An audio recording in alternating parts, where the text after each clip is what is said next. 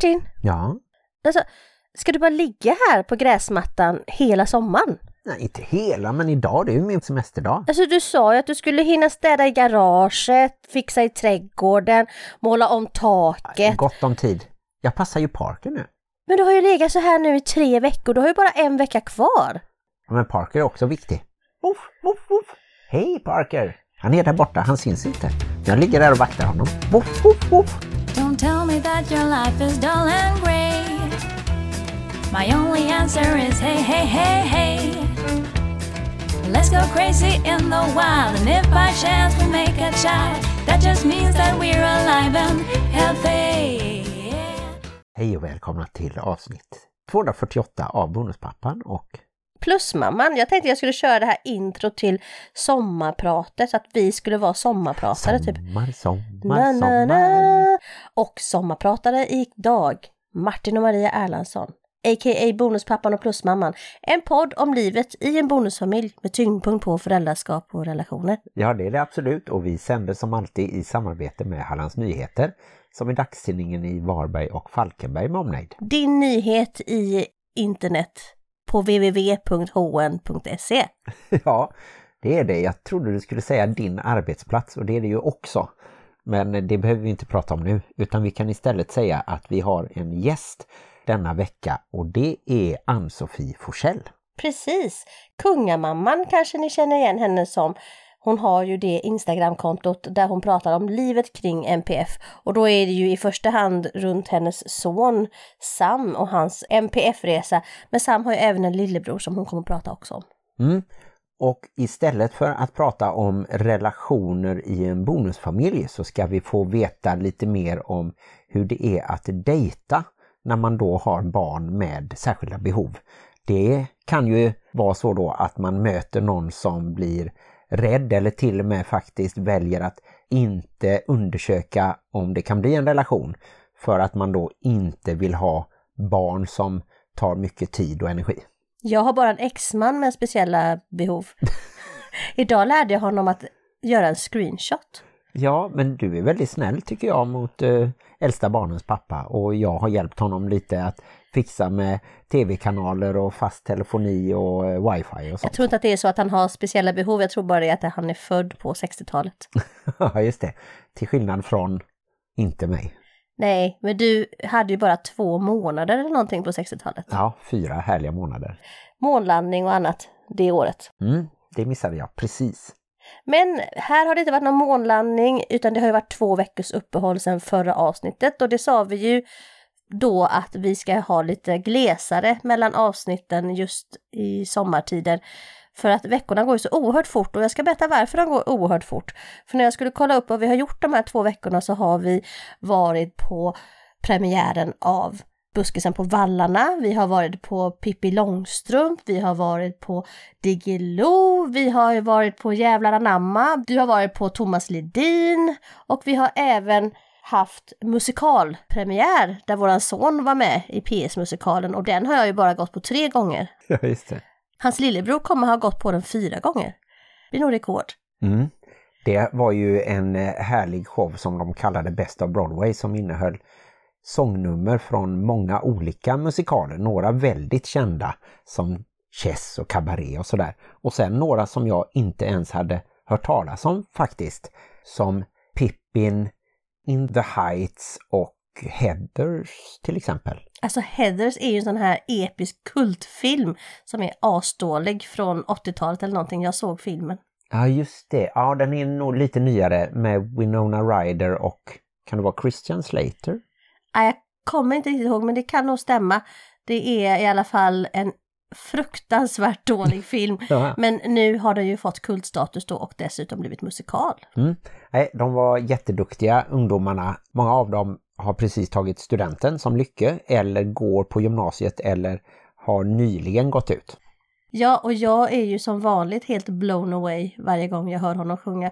Och då brukar ju du alltid säga att det var du som upptäckte honom när han bara var en sprucken falsett på övervåningen. Ja, just det. Nej, men eh, jag skryter gärna om att jag faktiskt hörde att det fanns en potential. Jag tyckte att Lycke blev bättre och bättre och jag vet ju att han har lärt sig att spela både gitarr och bas egentligen själv även om man har haft lite lektioner på skolan och sådär. Och numera också till grannarnas förtjusning trumpet. ja just det. Och så står mina trummor där uppe och de lånar han ibland också. Så det är underhållning eh, för grannarna ibland men eh, de har inte klagat än. Nej, de kanske inte vågar, jag vet inte. Du är ju så skräckinjagande. Du har ju skällt på en stackars liten pojke som försökte blåsa dig på 400 kronor häromdagen. Jaha, ja just det. Ja men måste vi ta hela den storyn. Det var ju en misslyckad eh, mobilaffär. Men han var ju dum nog att svara och så kunde jag skälla ut honom och skrämma honom lite och plocka fram lite uppgifter ur datorn när han eh, pratade om sin cancersjuka mamma och sin moster som man inte visste efternamnet på och så vidare. Och, eh, så jag hittade lite adresser via folkbokföringen där. Och när han hörde att jag hade varit journalist i 25 år och hade tillgång även till eh, registret med domar ur tingsrätten och sådär. Så vet jag inte, plötsligt kom det en swish tillbaka. Fast han påstod att det inte var han utan att det var den här hemliga utpressaren som hade samma namn men bodde i en annan stad och som hade eventuellt misshandlat honom och hotat honom och tagit hans bankdosa och så vidare. Ja. Det där var Martin när han inte berättar hela historien. Så då förstår ni hur jag har det ibland när han känner att han vill berätta hela historien. ja, då tar det riktigt lång tid. Då tar det riktigt lång tid, då hinner vi inte med. Något vi har hunnit med den här veckan är ju att vi har varit på ett dop slash student. Det är inte så vanligt ändå. Många kanske drar ihop bröllop och dop och sådär men student och dop är kanske inte lika vanligt. Mm, det blev så eftersom min brorsdotter Kerstin var sjuk på sin student. Och så blev det framflyttat och sen så blev det ända fram till dopet av deras dotter Bianca som då är barnbarn till min lillebror och min pappas första barnbarnsbarn. Det är där ni ska ta fram papper och penna. Det brukar vi alltid säga att ni ska ha när ni lyssnar på den här podden. Och papper och penna fick hon inte men däremot 68 stycken blöjor som vi lyckades knyta ihop till ett sagoslott. Jag tror presenten var större än hela presentbordet. Större än Bianca trodde jag du skulle Det säga. var den definitivt. Ja. Men det var jättefint gjort eh, av dig förstås. Du är experten på presenter i vår Expert på att göra stora presenter. Mm. Nej, men det var nog våran vecka och vi kommer fortsätta att rulla på i det här tempot. Vi har mycket roliga saker framför oss. Men det kommer ni få vänta hela två veckor innan ni får höra. Men det ni inte behöver vänta mycket längre på, Det är ju intervjun, eller ska vi kalla det samtalet med Ann-Sofie Forsell, alias Kungamamman. Och Ann-Sofie kom ju faktiskt hela vägen hit till Varberg. Det var väldigt roligt. Mm, ett extra plus.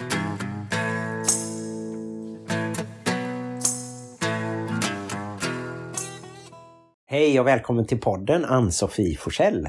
Tack, Och välkommen hem till oss i Varberg. trevligt. Ja, Det är alltid kul när gästerna kommer till oss. Alltså, det är mycket mer chill för mig alltså. ja. Du har gjort en liten eh, roadtrip här va? Ja, jag åkte 40 mil, inte enkom för att vara med hos er här, Mm. men just bara för att ha till, ett tillfälle till att möta havet också. Just det, vad är det? Fagersta? Fagersta. Fagersta? Fagersta. Eller vad ska Det är dalmål? Ja, jag bor på gränsen till Dalarna. Ja, just det. Ja. Härligt. Ja, Mitt inne i skogen, så det är lite annorlunda med de här öppna landskapen förstår jag. ja det är kontraster. Mhm. Ja. Mm. Hur brukar du presentera dig när du träffar någon som du inte känner? Att jag heter Ann-Sofie, bor i Fagersta, jobbar som undersköterska på akutlasarett, Mm. eller akutmedicinsk avdelning. Mm. Och jag har ett jättestort samhällsengagemang kring NPF, neuropsykiatrisk funktionsnedsättning. Alltså barn och unga med ADHD, Asperger, autism. Och det är tack vare din egen familj eller dina söner då? Ja, det är tack vare mina barn, för vi har en väldigt brokig resa bakom oss och jag känner det att den uppväxt och barndom slash ungdomstid mina barn fick, det ska inget barn behöva gå igenom. Nej. För det kommer att bli fruktansvärt i många år tack vare att samhället inte backade upp som Mm. Mm. det borde ha gjort. Och det ska vi prata om, men vi kan backa ännu längre först lite och se hur du själv växte upp. Men jag är uppvuxen i en kärnfamilj. Mm. Mamma, pappa, barn. Syskon? Inte någon. Nej. Nej. Och inga diagnoser sådär som du stötte på under din uppväxt Inte eller kompisar eller... Inte, och det var ju inte så på den tiden, man pratade Nej. inte överhuvudtaget om det här. Nej. Då var det mer livliga barn eller Ja, något sånt där eller ja, någon som var lite okoncentrerad. Och sen, och sen började det heta dampbarn. Ja, just det. Att, ja, det var ju långt senare, 90-tal, Just det. 00-tal, som MBD tror jag Ja. det fanns också någon diagnos va? Okej. Minimal brain disease eller något. Väldigt eh, Aha. hårda, taskiga termer. Så att någon har en hjärnskada. Ja. Ungefär så. Ja. Men eh, då träffade du sedan eh, barnens pappa. Ja. Och eh, hur gamla var barnen när ni upptäckte att, att de var annorlunda så att säga? Om jag säger så här, Sam han var fyra fem när de här utbrotten inte bara var det här klassiska, Mm, utan det var någonting mer. Det var tsunamin som kom. mm, Och det gjorde det väldigt ofta med sån kraft att jag förstod att det var något som inte stämde. Och sen kommer jag så väl ihåg, vi bor i ett hus med tre våningar och hur han då står på fönsterblecket, öppnar fönstret och säger mamma, nu hoppar jag för det här är för jobbigt. Och då är han väldigt liten, mm, när han själv känner att det här är too much. mm. Så då var det full fart på BUP, för då förstod de också allvaret. Och sen, sen var vi inkastade i rullorna. Mm. Och blev väl kvar där tills han fyllde 18 och vart överflyttad till psyk som han blir då. Mm. Mm. Men är det svårt att, att ställa en diagnos på så små barn? Mm. Svårt är det inte, men det är väldigt omfattande och sen, det måste ju vara en gedigen utredning. Det här är ju ingenting man bara ger en stämpel efter några träffar, utan det tog något år av utredning. För då fick han sin, sin ADHD-diagnos när han var åtta. Och så kände jag fortfarande att någonting inte stämde. Så då fortsatte man nysta och då fick han sin Asperger-diagnos när han var nio. Just det, och det kallas numera autism 1 tror jag. Ja, det är något inom spektra. Ja. Ja, det är väldigt viktigt. Ja, Är du nöjd med den utredningen? Känns det ändå som att det blev rätt? Ja, det kan jag tycka. Och sen finns det ju många barn som då, man ser diagnoserna, jag ska inte säga att de försvinner, men att de går att hantera. Så att det är nästan så att man kan göra en second opinion och sen att du egentligen blir friskriven din NPF-diagnos också. Kände du att ni kunde driva det här tillsammans, du och pappan? Eller, Ja, och det var ju kärnfamilj så ni, hade ju, ni var båda vårdnadshavare. Och, så. ja Mm. delaktiga i det. och sen brorsan, hur var det med honom? Brorsan, han, han hamnade väl mer på ett, jag ska inte säga bananskal, men, men han, han levde i sin lilla värld och fick ju ta mycket, man säger stryk ifrån hur, hur det var kring storebror. Men det visade sig att han också hade NPF-diagnos och då har han ADD. Eh, Och det satt väldigt långt in innan jag förstod att det var så. Det är väl det de Därför säger att att... det var så väldigt skilda, att hur det yttrar sig. Och då trodde vi att det var mer omständigheter som gjorde att han hade svårigheter, men så var det inte. Det har vi hört att det är svårare att upptäcka och att det ibland är vanligare bland flickor. Mm. Att man inte har den här hyperaktiva delen Mm. men att man har svårt att komma igång med saker och Ja. ändå fortfarande svårt att Och det koncentrera här ja, sig. men han är den lata eleven och han lyssnar inte och han är dåligt fokuserad. Och jag kommer så väl ihåg en gång när han kom hem och, var jätteledsen, nu pratar jag alltså om lillebror, och sa det att fröken skickade ut mig ur klassrummet för hon tyckte att jag bara låg på bänken och inte gjorde någonting så att det spelar väl ingen roll. Då kunde jag lika gärna gå ut istället för att vara kvar och störa. Så att det är en väldigt svår diagnos att få, få omgivningen att förstå att den finns. Ja, just det. Nästan svårare Ja. än eh, om man säger att man har ADHD eller autism Ja, så är det för- mer för- accepterat nästan. För, för Sam i ett klassrum, då förstod du att han hade ADHD. Ja. Det gick liksom inte att und- undgå. Nej. Så. nej. För det, det är så väldigt synbart. Mm. Ja. Mm. Mm. Hur påverkade de här diagnoserna sen själva äktenskapet? Gjorde det att det var svårare att hålla ihop? Det, ja, för nu är jag och mitt, han är ju min nuvarande ex. Eh, vi kommer ju att skilja oss till slut. Och delvis tror jag det beror på att vi har haft det så väldigt tufft med båda barnen och främst Sam. Eh, Att det ges inget utrymme för förhållandet till slut, utan man blir mer ett team. Eh, Man jobbar om varandra, man, ja, men, man ska lösa praktiska saker mer Mm. än att det finns ett förhållande att vårda och Mm. ha trevligt med. Mm. Mm. Så, Mm. Barnen var ganska gamla eller något äldre tonåren när ni gick isär. Eh, ja, det var de. Och jag kan säga att vi hade nog mått bra av att vi hade skilt oss mycket tidigare. Men äldsta grabben gled in i en sån psykisk ohälsa och djup depression så att då blir det fokus på att rädda liv. Och Mm. då får andra komma sen. Så är det. Annars så tror jag också att det är väldigt klassiskt som du säger. Man jobbar tillsammans, man blir ett team, man släcker eldar som det heter och sen när eldarna väl är kanske under kontroll så Mm. kanske man märker att antingen att man inte har något gemensamt längre eller att man borde ha Mm. lämnat varandra tidigare. Och, och sen är det så att man blir så mentalt slut. Att det blir så, jag, jag vart ju utbränd, ja det heter ju inte så, men utmattningssyndrom. vid två tillfällen och då blir man ju så pass energilös att då finns ju inte det till att tillföra någonting i ett förhållande heller. Nej. Så det är olika faktorer som spelar in. Har ni en bra relation nu, du och ditt ex, att ni kan Det prata med varandra? Det tycker jag. Och pojkarna har flyttat hemifrån båda två och lever... Den lilla, den lilla, den, den lilla på 21, han kommer att flytta snart för han ska ju börja högskola då. Mm. Mm. Men den stora han flyttar sedan länge. Och vilket stöd önskar du att du hade fått från eh, samhället och från hela vårdapparaten så att säga? Framförallt det här med samverkan, inte att man tittar på sin tårtbit utan att man mer jobbar i team. För man sa gärna, ja, men det här, de, här- så här jobbar inte vi och de här pengarna har inte vi. Och då ser man bara till sin egen budget istället för att titta på, men det, det kan behövas insatser ifrån andra håll och att man delar på ett ansvar. Det kan jag sakna jättemycket det här med att, att det var så centrerat kring skolan, men det var även fritiden som hade behövt göra något så att, att man kanske skulle ha med socialtjänsten, och sen när den psykiska ohälsan kommer in, ja då har, du, då är det plötsligt sjukvården involverad. Och de insatser som behöver till för att barnet inte ska må så dåligt, det består inte av att ge piller. Utan det består av att anpassa en omgivning. Och då är vi inne och tullar på andra aktörer och då blir det, ja men du vet, det blir så här, ja men, ja, men vi kan inte hjälpa dig. Vi kan ge dig piller för att må lite bättre, men vi kan inte komma åt kärnan. Och kärnan ligger då på någon annans ansvar. Ja, Så att det hela tiden det här har blivit, alltså moment 22. Så kan jag känna. Jag blir nyfiken på vad du tycker om medicinering generellt för vissa är ju väldigt emot det just för att man tror att det är lösningen och vissa säger att ja men vi har det i början för att rädda liv kanske men sen måste man ändå ha en annan typ av bearbetning. om jag bara ser till själva diagnosen i sig och om anpassningar inte funkar, då kan medicinering vara bra. För det märkte jag ju när min äldsta faktiskt började med medicinering och sa att nu är det ingen som pratar med mig i huvudet längre, det är tyst. Ja. Alltså han fick studiero. Mm. Och jag menar, då spelar det ingen roll hur mycket anpassningar du gör när du inte har koncentrationen, du kan inte hålla fokus, du glider hela tiden iväg på annat. Och då är ju medicinen till nytta Ja. som ett hjälpmedel.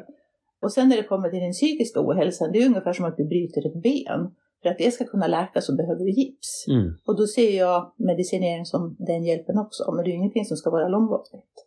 Du får ta av gipset och försöka trappa ner medicineringen eh, när depressionen väl släpper. Och sen i takt med att man faktiskt anpassar utefter behoven, det som behöver till. För det fanns ju en orsak till att han hamnade i en djup depression. Och det var just det att skolan hade sån oförmåga att hjälpa honom att han går ut nian med ett betyg. Ja. Och då är det illa. Därför att han klarar inte av skolmiljön. Han var, man kan säga, hemmasittare ja, under tre år. Han klarade av skolan, det var inte det, men han klarade inte av miljön. Nej. Och då blir det så här, ja men han är ju inte sjuk. Hade han varit cancersjuk då hade vi kunnat avsatt en lärare för honom. Nu är han inte det. Han har bara, bara. Mm. Mm. Är det fortfarande så, tror du, att man mycket, mycket lättare ser fysiska sjukdomar och Ja. Och sen, även om vi har börjat prata mer om psykisk ohälsa så har vi inte kommit fram där vi borde vara. Nej, vi har jättemycket kvar. Mm. Har vi. Ja, tyvärr. Hur mår de eh, just nu? Det det är som jag skriver, jag har ju en Instagram-sida som heter Kungamamman där jag berättar rätt öppet om det här. Och Sam säger så här, du får skriva för jag litar på dig. Och det finns en historia att berätta. Mm. Eh, Och det finns andra att hjälpa där ute genom att, att du berättar. Och idag om man, om man ser det jag berättar, och jag brukar kalla det för helvetesåren för det var precis det det kommer att vara. Och ifrån att ha varit där, varit sånt kompakt mörker, så är det verkligen att vi andas frisk luft idag. Det är, det är ett bra liv, båda har landat väl i livet, Mm. trots allt. Mm. Efter alla krig. Så att de mår bra. Men Och, eh, det kräver mycket av föräldrarna att eh, då baxa igenom detta och... Det hade kunnat gått åt helskotta ändå. Mm. Även fast man är en kämpande förälder, det måste man komma ihåg. Att många barn faller igenom, tyvärr, och hamnar väldigt snett i samhället, även fast föräldrar i princip krigar skiten ur sig. Mm. Mm. Jag tror nog vi hade bara tur. Mm. Och hade tur att det var inte bara mitt engagemang, utan det var så många fler aktörer som hjälpte mig på vägen med barnen. Plus att jag har en son med sån järnvilja att ändå vilja lyckas. Ja, vad härligt. Mm.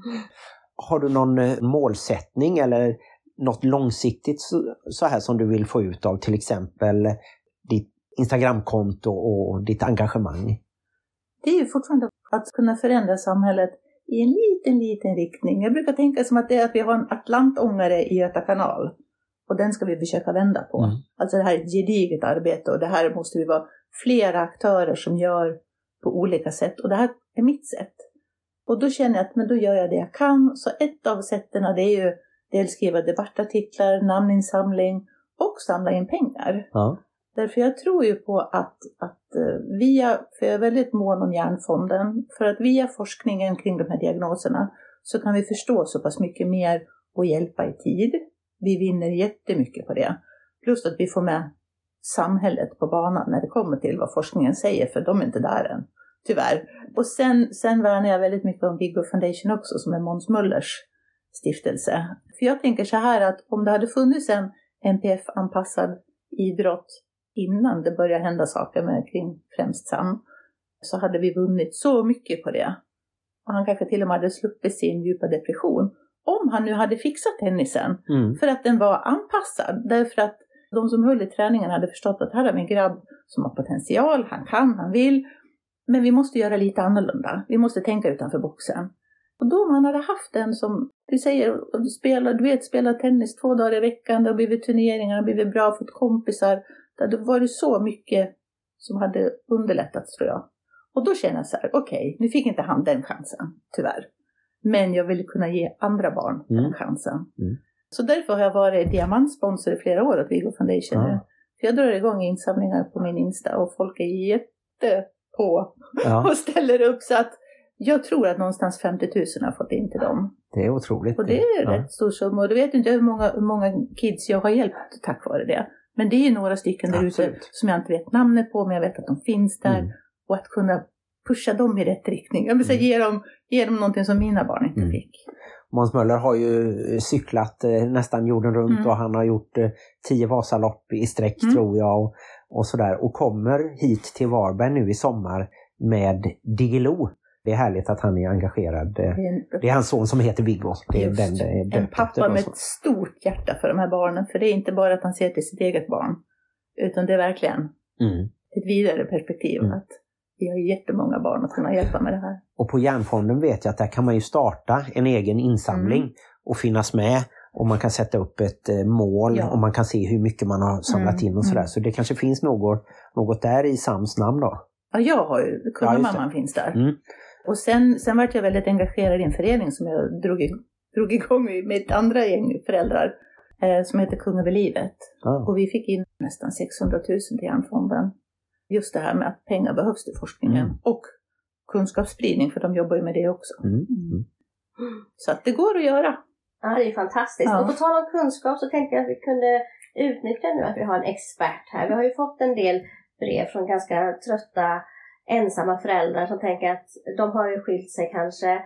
Kommer jag någonsin att kunna dejta fast jag har barn med NPF? För det är ju många som kanske kan dra öronen Mm. åt sig när det hörs talas om barn som då har extra behov och Mm. så. Vad har du för erfarenheter av det? Nu var mina barn rätt stora när jag började dejta. Men jag kommer så väl ihåg en kille som jag fick kontakt med. Vi fick ett, ja men så här, vi skulle ses. Man byter telefonnummer med varandra. Vad gör man då? Jo, men då helt plötsligt får man tillgång till vem personen är. Man googlar upp. Och då googlar man på mitt namn så får man upp jättemycket från mitt engagemang kring det här. Och då drog han öronen åt sig direkt. För då sa han att Nej, men vi lever för olika liv du och jag, det här går inte. Då tänkte jag, hur kan han veta det? Vi har inte ens träffats än. Nej. Men så förstod jag att han hade läst om det och att jag var mamma till barn med ADHD och Asperger. Mm. Och då har man en viss föreställning om hur det ska vara. Och backar direkt utan att ens träffa mig. Mm. Eller mina barn. Mm. För jag menar, de här barnen är ju inte något annorlunda än några andra barn. Det är bara att i vissa situationer så måste man backa upp lite special. Ja, ja. Eller att någonting avviker väldigt extremt i få situationer. Men Mm. annars är de underbara barn. Mm. Så att, Vad tänker du att en bonusförälder behöver kanske ha med sig ifall man då går in i en relation där det finns, där ens partner har barn sedan tidigare som har speciella behov? Ja, för man får ju väldigt mycket på köpet som man inte egentligen har bett om. Eller du landar i en värld som du inte ens visste fanns. För så var det för mig när jag vart NPF-mamma. Jag hade ingen aning om vad det här innebar. Och sen har ju det kommit till mig successivt. Men att då bli inkastad i den här världen, du är jättekär, du vill väl och, man, och allt är bara, ja men man vill ju bara få det att funka. Och sen kommer de här kraschlandningarna som det är att ha de här barnen med NPF och behöva anpassa sig till det. Och just det här att, att då helt plötsligt stå inför och ha en förståelse för vad det innebär. Man kan ju inte kräva det av en ny person. nej. Så. Samtidigt som den personen måste känna, okej, jag vill det här. Alltså jag älskar den här personen så mycket och jag vill leva med henne slash han. Att jag bara måste, jag måste gilla läget för jag får ju barnen på köpet. Och då någonstans själv söka kunskap. Dels har Hjärnfonden vet jag bra, eh, man kan läsa om vad diagnoserna innebär kortfattat. Attention har likadant på nätet, så kunskap så det kan du få. Men framförallt ut på nätet och kanske sök, det finns, jag vet det finns jättemycket Instagram-sidor där föräldrar själv berättar hur det är att ha de här barnen. Att om man väljer att läsa hos dem så får man en ökad förståelse att aha, det är inte för att ungen är vrång eller att mamman hunsar med sina barn utan att det finns en djupare orsak till det. Så det skulle jag varmt tipsa om. Mhm. Och sen kan jag tänka att det blir jättemycket konflikter kring det här. För du kanske hade tänkt att ja, men vi ska åka ut på en utflykt över en dag, vi ska åka och fika, ja men jättemysigt och ungen hänger med. Och sen när du väl kommer fram till fiket så visar det sig att ja, men de säljer inte dammsugare som det här barnet alltid brukar vilja fika. Och då kan det bli världens härdsmälta. Ja. Och det kanske slutar med att man inte alls fikar eller det blir bara kraschlandning att du är tvungen att åka hem, du kan inte göra det du har tänkt. Mm. Och då att den här nya partnern då hänger med i de här tvära kasten. Att det handlar inte om att jamsla. Eller så här, Mm. curla. Utan att det handlar om att få, att få det att fungera. Så. Och att man får räkna med att ja, men det kan hända saker som man inte hade tänkt från början. När man faktiskt lever med de här barnen. Det blir ju lite utmaningar mellan varven. Och man måste tänka jäkligt fort och hinna lösa saker på plats. Även fast man kanske har förberett mycket innan hur det ska bli. Så kan det i alla fall uppstå saker. Mm. Hur ska man tänka då som NPF-förälder när man dejtar? Är det viktigt att eh, tidigt berätta om hur ens liv ser ut? Eller tycker du att man först ska liksom lära känna och vara, vara individen innan man blir föräldern? Därför att fördomarna tyvärr är så stora och du har ingen aning om den här personen du har framför dig som du har blivit förälskad i. Hur den kommer att ta om du berättar det här. Det kan ju hända att den personen backar. Och kanske backar av helt fel anledning. Mm, mm. Inte för att han inte tycker om dig eller hon. Utan av mer ditt liv skrämmer. Så då är det ju bra om de först lär känna mig och så tycker gud vilken härlig människa. Ja. Den där vill jag faktiskt vara tillsammans Mm, med. Och då att man kan droppa att ja, det här får du på köpet. Ja, det här innebär det. Mm. Och kanske inte berätta de värsta scenarierna i början. Ja. Tror du att eh, NPF-föräldrar kan hitta varandra så att man blir ett, ett nytt par där man har liknande erfarenheter, att det kan uppstå kärlek så? Kan det vara en fördel till och med? Eller, eller kan det vara en nackdel för att man då har varsin familj med NPF som man ska försöka slå Nej, ihop? det tror jag faktiskt inte. För att jag dejtade en kille för rätt nyligen som, som hade barn med misstänkt diagnos. Mm, mm. Det var inte på papper, men det fanns starka indikationer att det var så. När han berättade så kände jag bara att ja, det där, det där känner jag igen. Ja. Och då när det uppstod situationer och han var tvungen att ställa in en dejt för att det hade hänt saker kring det här barnet. Mm. Så var jag lite mer sådär, istället för att vara vrång och tjurig och tycka, jaha, du skiter i mig eller Mm. du jag är inte tillräckligt viktig eller. Så var jag såhär, nej nej men det är lugnt, jag vet. Alltså att man har, man har en annan förståelse. Och då var ju han i sin tur lite förvånad att va?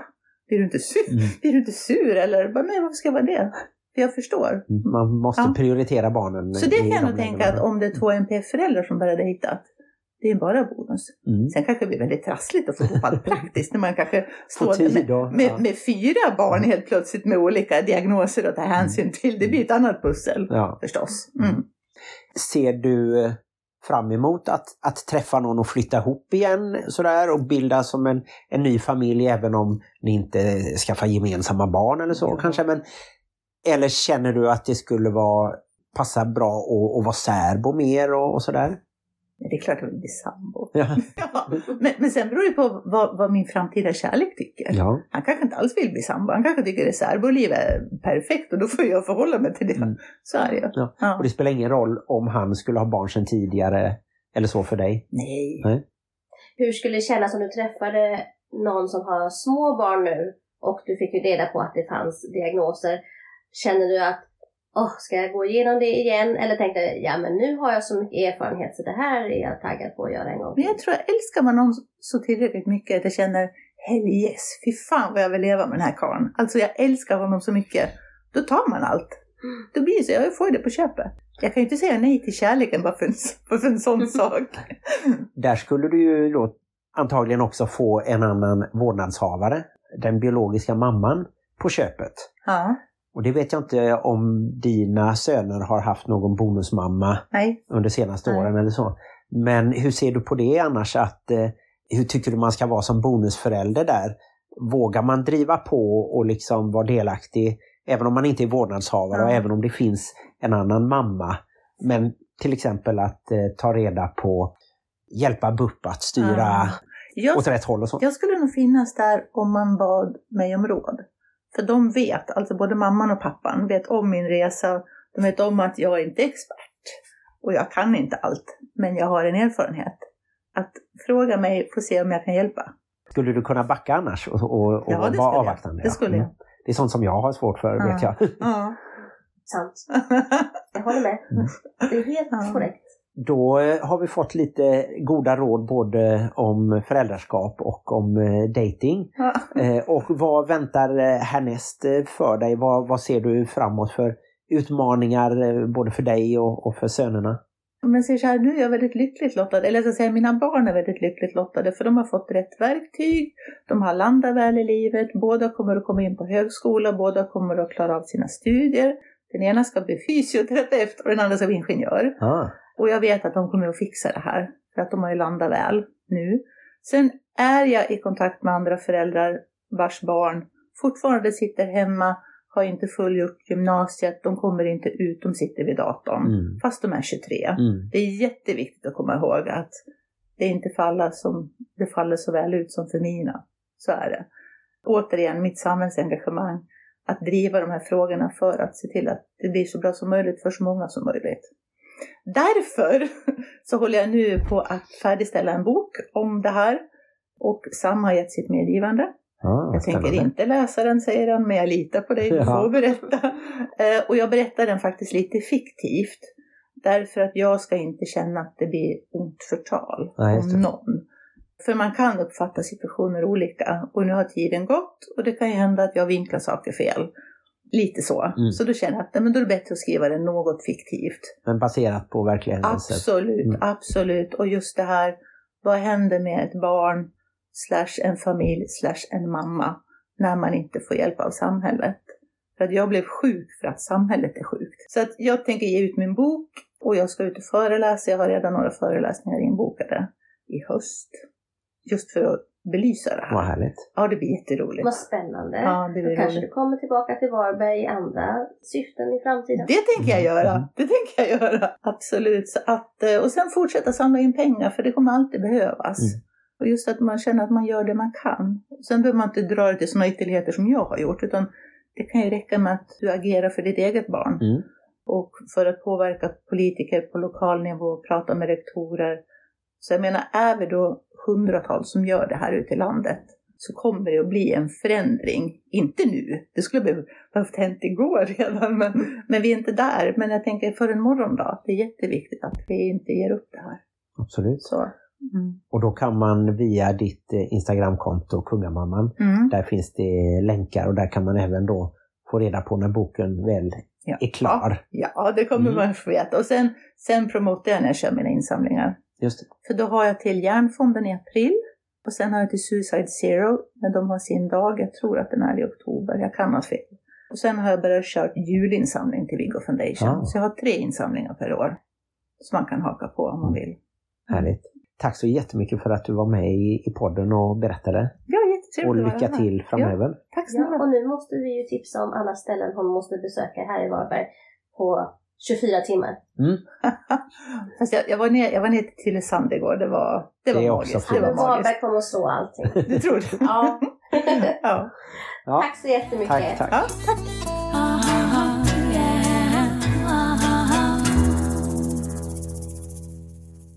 Ja, då tackar vi Ann-Sofie Forsell en gång till och eh, tipsar om hennes Instagram som heter Kungamamman. Hade du kunnat tänka dig att dejta mig om jag hade berättat hur många diagnoser mina barn senare kommer att få? Ja, vi kan väl eh, säga att några av dem är under utredning så det finns inget fastställt. Men eh, ett av barnen har en diagnos Och jag tror nog att det mer ger en förståelse så att det kommer ju att underlätta för mig så att jag inte tänker att ja men varför kan inte det barnet lära sig den enkla saken eller faktiskt komma igång och göra det som vi hade bestämt eller så. För då kan det ju vara en diagnos att man faktiskt har svårt att komma igång med någonting och få det gjort och liksom det är ju enkelt för oss vuxna att säga att ja, men man måste vara lite disciplinerad eller man måste bita ihop och sådär. Och det kanske på ett sätt är nästan fysiskt omöjligt att ta sig upp ur sängen och börja dagen eller liksom ta tag i det så. Så att eh, jag visste nog inte riktigt eftersom jag inte har levt med någon med diagnoser på det sättet innan. Så kanske hade jag blivit mer orolig men nu så tycker jag bara att det är bra att vi får veta mer och lära oss mer om det. Jag tycker att det faktiskt är en personlig utveckling att leva tillsammans med människor som då kanske faller lite utanför ramarna. Jag tycker man får förståelse både för sig själv och för en annan person och hur jag reagerar i vissa situationer och hur jag kan underlätta för någon som kanske har svårigheter. Att det är ganska enkelt och det tycker jag verkligen att Ann-Sofie också försökte förmedla att det är inte så jäkla komplicerat som man kanske vill tro att det är utan det är egentligen också enklare. Mm.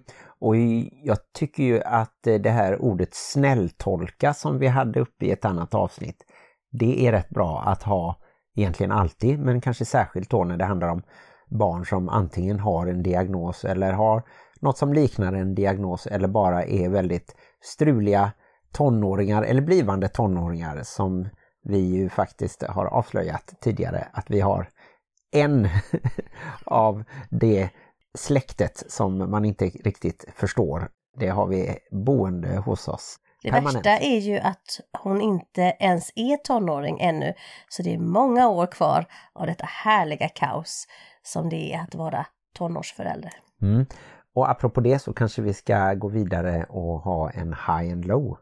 Du menar att våran tonåring som inte är en tonåring skulle vara involverad i din high and low på något sätt? Nej, jag vet inte. Jag har inte hunnit eh, tänka ut utan jag tänker spontant att jag hellre vinklar det på att vi har fått med oss barnen eller några av dem på många olika aktiviteter eller släktträffar eller när vi har gjort saker med våra vänner. Och det tycker jag har varit väldigt uppskattat. Jag märker det på de som vi träffar att de tycker det är kul att vi kommer hela familjen. Och jag har tyckt att det har varit väldigt mysigt också. Så att min haj den här veckan blir till exempel när vi gjorde den här utflykten till dopet och fick träffa lite släktingar och andra som vi inte träffar så ofta. Mm. Och min haj den här veckan, eller de här två veckorna då, det måste vara när vi hade musikalkvällen. Då vi först hade ett musikalhäng här hemma och du hade ordnat en Kahoot som handlade om just musikaler. Ja, det är ju frågesport, ja just det. Ja, precis. Och vi hade lite vänner, blandade vänner. Jag gillar ju att blanda, liksom både äldre och yngre, män och kvinnor, folk jag känner från olika sammanhang. Så vi var ett ganska stort gäng på lite drygt 20 pers mm. som sen också gick vidare ner till teatern för att titta på just musikalen vi nämnde här tidigare, PS-musikalen Best of Broadway med min son Lycke och hans kompisar. Och det var väldigt kul för att men, som mamma så tycker man alltid det är roligt att se sina barn. Men det var jättekul att få se att alla andra var så imponerade och tyckte att det var så roligt och bra också. Mm. Så det var min absoluta high. Och det roliga var ju då också att vi fick med oss de äldsta barnens pappa och min bror och svägerska. Och, så det var en väldigt brokig, härlig, underbar blandning och det är precis så jag vill leva livet. Mm. Härligt. Har du en eh, low att ta direkt också? Alla andra dagar var low? Nej. Mm.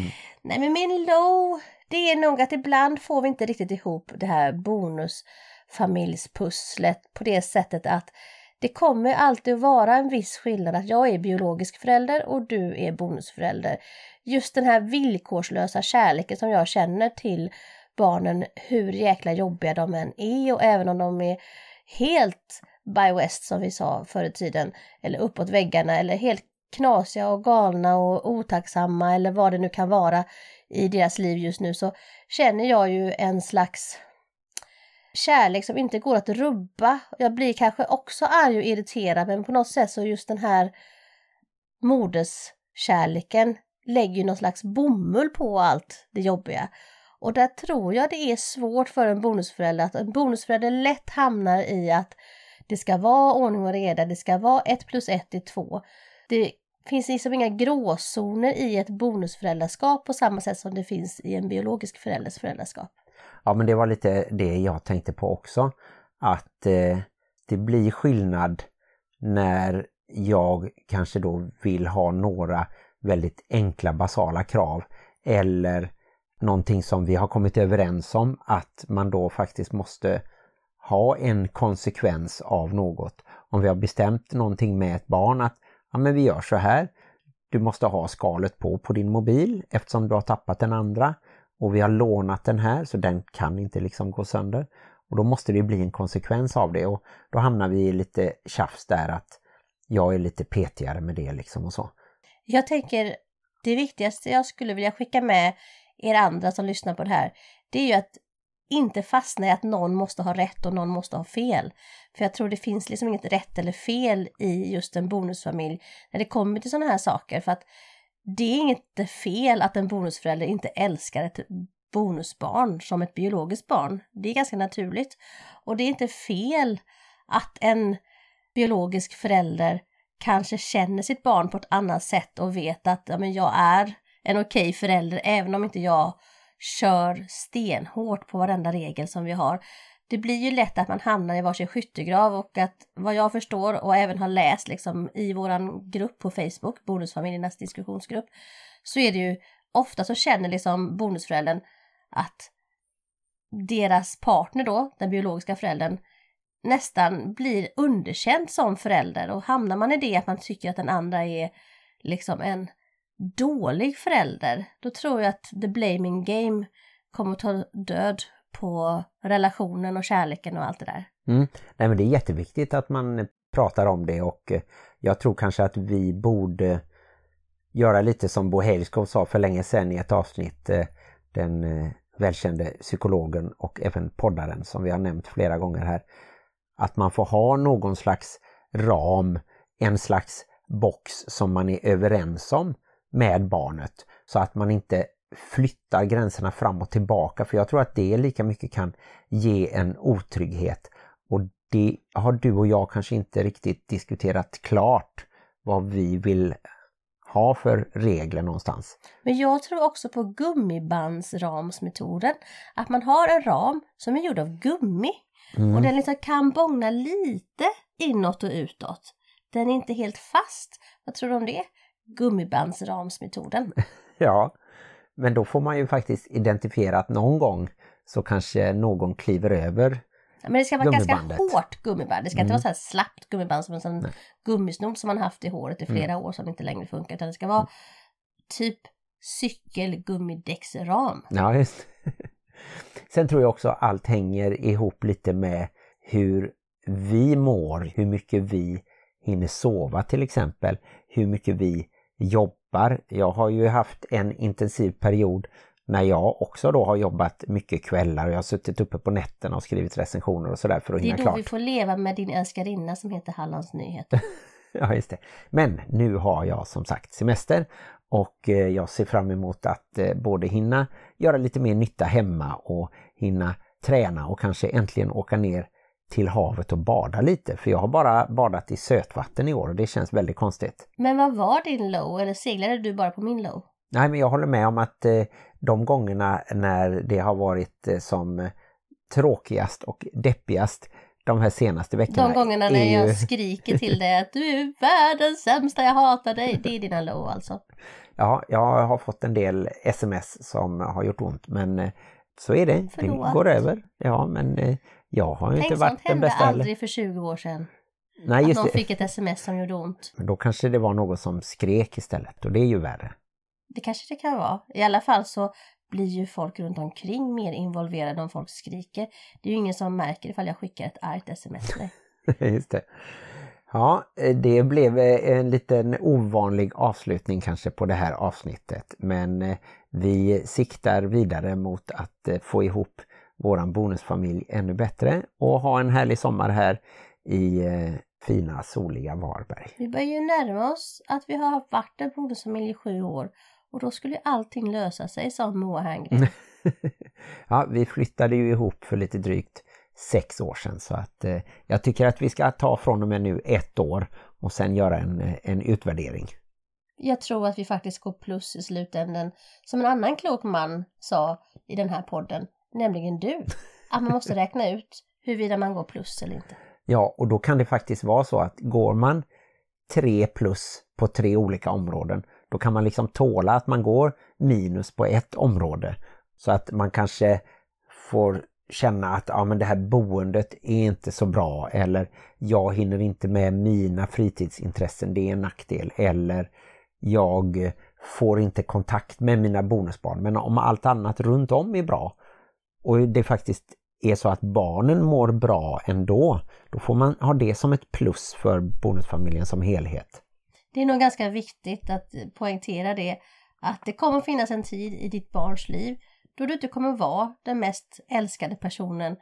Men om du ändå är en vettig människa som sätter vettiga gränser och håller vettiga regler vid liv så tror jag att barnet kommer att överleva och en dag så kommer de att komma tillbaka till den kärlek som är svår att överbrygga. Ja. Nämligen familjekärlek. Mhm.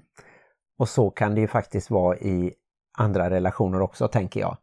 Att eh, om man märker att en kompis slutar höra av sig eller aldrig kommer när man bjuder in eller sådär. Då blir det till slut så att den relationen liksom Vi pratar om fasas dig, ut lite. Kalle. Det var taskigt, han var faktiskt sjuk nu senast Ja, det är sant. i covid. Det finns faktiskt covid fortfarande i Sverige. Hoppas inte att ni, våra kära lyssnare, har drabbats eller i alla fall att ni blir friska snabbt. Det är som folk som alltid är sist med liksom mode. När alla andra har slutat ha ett visst mode så kommer någon slags eftersläntare. Det är så, det är nu, nu kommer de där eftersläntarna att få covid. Ja just det, och ja, jag följer ju både modet och covid då eftersom du påstår att jag fick med mig det hem från eh, Kroatien när vi var där. Det är ingen som vet, men jag tror att Martin kan ha varit patient zero. Ja just det. Men som sagt med eh, modet så är det tvärtom. Jag följer Där är Ingenting han som är också en modernt. zero. Hoppas att eh, ni har fått ut något av detta avsnittet. Troligen tack vare Ann-Sofie Forsell. Men oavsett så får ni gärna höra av er till oss på våra sociala medier. Det är bara att skriva via Facebook eller Instagram. Bonuspappan och Plusmamman kan ni alltid söka på. Och på Facebook så har vi även en eh, grupp som heter Bonusfamiljernas diskussionsgrupp. Och glöm inte att livet i bonusfamiljen kan vara besvärligt. Men också härligt! Hej då! Klippte du gräsmattan idag? Ja, Plockade du vinbären? nej det har jag inte gjort än. Hallonen då? Nej. Ja, då får du göra det nu.